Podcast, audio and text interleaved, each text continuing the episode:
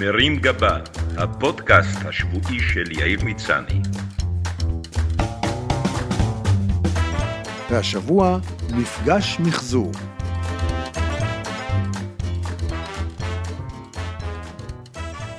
פעם למילה מחזור הייתה אסוציאציה שלילית. ממחזרי סיפורים ובדיחות נחשבו לטרחנים שכדאי להתרחק מהם. אלא שבעשורים האחרונים המחזור, שעכשיו מתרכז בעיקר בתחום האשפה, הפך לעניין קולי במיוחד, שמי שמקפיד עליו הוא לא רק טיפוס טרנדי, הוא גם מציל העולם. תהליך הפוך עבר על הפלסטיק, שבעבר נחשב להמצאה גאונית, שהלוואי שכל העולם היה עשוי ממנה, והיום נחשב לאויב הפלנטה. החומר שלא משנה כמה מתעקשים, הוא מסרב להתמחזר, הוא מעדיף לזהם אוקיינוסים ולחנוק לוויתנים.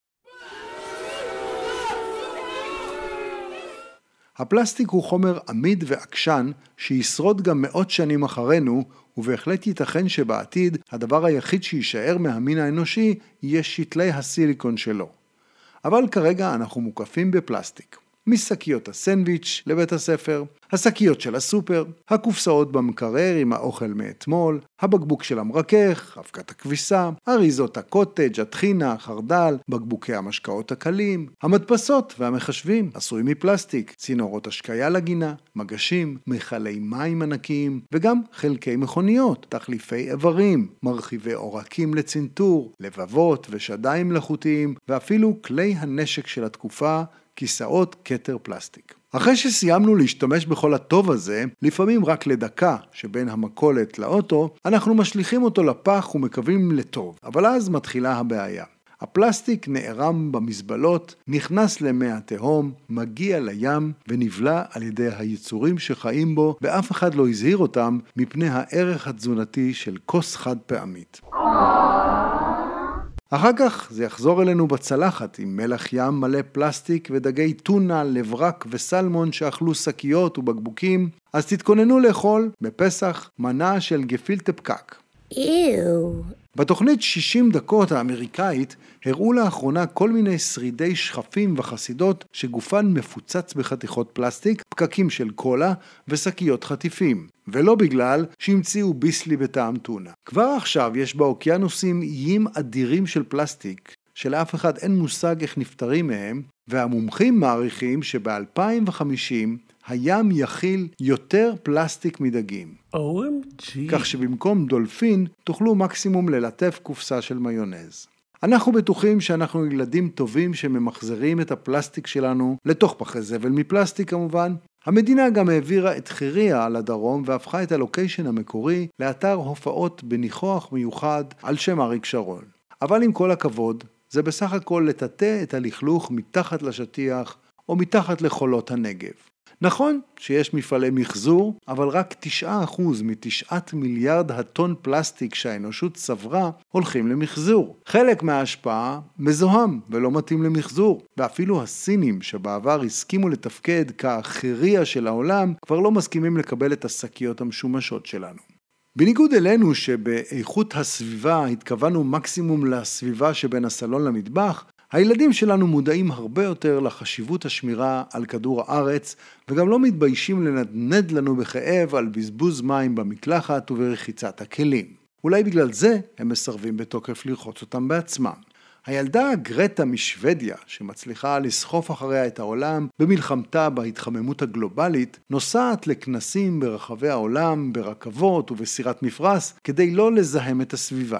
אבל עם כל הכבוד לדור הצעיר, באופן אישי עדיין לא פגשתי ילד שמוכן לוותר על האייפון או הפלייסטיישן הפלסטי שלו למען כדור הארץ, לוותר על ההסעה של אבא, הוא מוכן ללכת ברגל לחוגים, למחזר בגדים וללבוש את אלה של אחיו הגדולים. או כותב באלי אקספרס שהוא מוכן לעשות את ההזמנה רק אם המשלוח יגיע מסין עד הדירה שלו בקייק. כחלק מהמחשבה על עתיד הפלנטה, הוחלט בכמה מקומות בעולם לאסור על שימוש במוצרי פלסטיק מסוימים, וגם אצלנו, בתל אביב, העירייה החליטה לאחרונה להוציא את הסכו"ם החד פעמי מגני הילדים ולעבור לכלים רב פעמיים, כשכל גן יקבל מדיח כלים.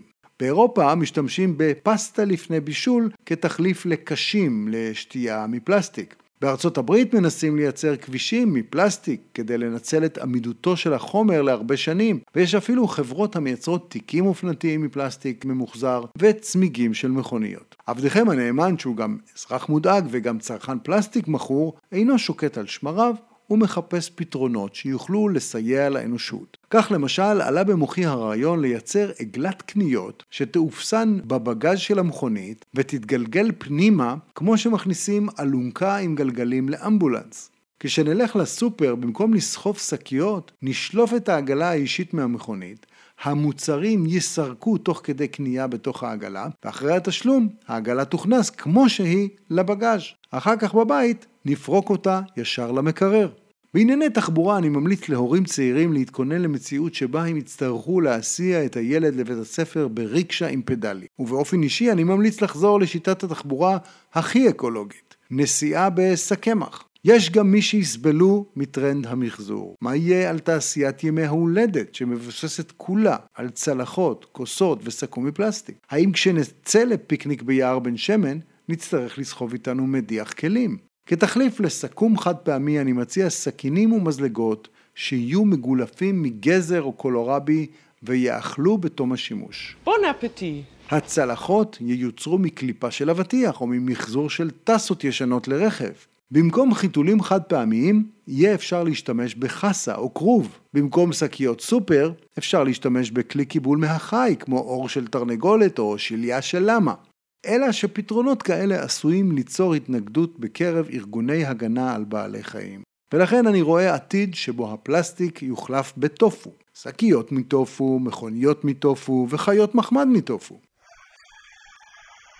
בכל מקרה, זה לא יהיה יותר גרוע מנקניקיות טופו. על פי התחזיות, בעתיד האוכל שלנו בכלל יודפס במדפסות תלת מימד מיוחדות, ואז גם השיח ישתנה. ילד, אמא, מה יש לאכול? אמא, גש למדפסת ותראה. ההורים יוכלו לפקסס לילד שניצל מהמשרד. הארוחה תצא מהמדפסת בבית, אלא אם הדיו ייגמר באמצע הפתיתים. פתרון אקולוגי אחר שימנע את הזיהום שכרוך בייצור והובלת מזון, הוא שכל בית משותף יגדל בעצמו פרה שתספק את צרכיו. הפרה תשוכן בחנייה של הבניין, וחוץ מחלב, הדיירים גם יוכלו לרכב עליה לקניות בסופר. בעניין האשפה יש מי שמדבר על העברת הפסולת שלנו לכוכבים אחרים, מה שיהפוך את העגלה הגדולה לאוטו זבל. אלא שבמקרה של הירח, יותר מדי אשפה עלולה בסופו של דבר להסתיר את האור שלו, או לפחות לגרום ללהקת הפינק פלויד להוציא את האלבום "הצד המצחין של הירח". שלא לדבר על זה שהרעיון להפוך כוכב אחר לחירייה של כולנו, עשוי להתקבל קצת פחות יפה בקרב תושבי וחייזרי אותו כוכב, והם יחזרו לנקום ויהפכו את כולנו לקומפוסט. הרעיון המעשי ביותר כרגע הוא להעלות את הזבל לחלליות לכיוון השמש, ולקוות שהכל יישרף בדרך. אבל זה רעיון גולמי ואני עוד עובד עליו. בכל מקרה, למען עתיד כדור הארץ, יכול להיות שכדאי שבראשית 2 לא תהיה חללית, אלא אוטו זבל טרנס גלקטי.